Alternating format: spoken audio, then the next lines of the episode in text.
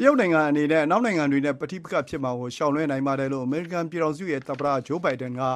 ပြောကြားလိုက်ပါတယ်။တရုတ်ရဲ့စစ်ရေးနဲ့စီးပွါးရေးခြိမ်းခြောက်မှုတွေကို G7 စက်မှုထိပ်သီးနိုင်ငံတွေကပြန်တွန်းလှန်ဖို့ကြိုးစားနေချိန်မှာပဲ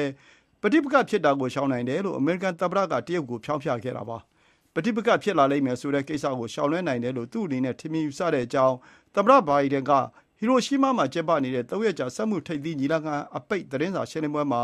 တနင်္ဂနွေနေ့ကပြောကြားခဲ့တာဖြစ်ပါတယ်။တရုတ်တနိုင်ငံတည်းမူဝါဒကိုဆက်လက်ထိန်းသိမ်းကြမယ်ဆိုတာကျွန်တော်တို့အားလုံးသဘောတူကြပါတယ်လို့မစ္စတာဘိုင်ဒန်ကဆိုပါတယ်။တရုတ်ရောထိုင်ဝမ်မှာသူတို့ဖြစ်ချင်တာကိုနှစ်ဘက်သဘောတူကြဖို့လိုပါတယ်လို့လည်းမစ္စတာဘိုင်ဒန်ကပြောပါတယ်။ထိုင်ဝမ်ဟာသီးခြားလွတ်လပ်တဲ့နိုင်ငံအဖြစ်ကြေညာမယ်လို့အနောက်နိုင်ငံမဟာမိတ်တွေဘက်ကမမျှော်လင့်ဘူးလို့လည်းပြောကြားခဲ့ပြီးခွဲထွက်မယ်ဆိုတဲ့အကြောင်းကြောင့်ထိုင်ဝမ်ကိုမကျူးကျော်ဖို့လည်းတရုတ်ကိုသတိပေးလိုက်ပါတယ်။တကယ်လို့တရုတ်ကတဘက်သတ်လုပ်ဆောင်ခဲ့ရင်တုံ့ပြန်မယ်လို့လည်းဆိုပါတယ်။ တရုတ်နိုင်ငံခြားရေးဝန်ကြီးဌာနပြောရေးဆိုခွင့်ရှိသူကတော့ထိုင်ဝမ်ဟာတရုတ်ရဲ့ထိုင်ဝမ်သာဖြစ်တယ်လို့ထုတ်ပြန်ပြောလိုက်ပါတယ်။ထိုင်ဝမ်ပြဿနာဟာတရုတ်တွေကပဲဖြေရှင်းရမယ့်ပြဿနာသာဖြစ်တယ်လို့သတင်းထုတ်ပြန်ချက်မှာဆိုထားပါတယ်။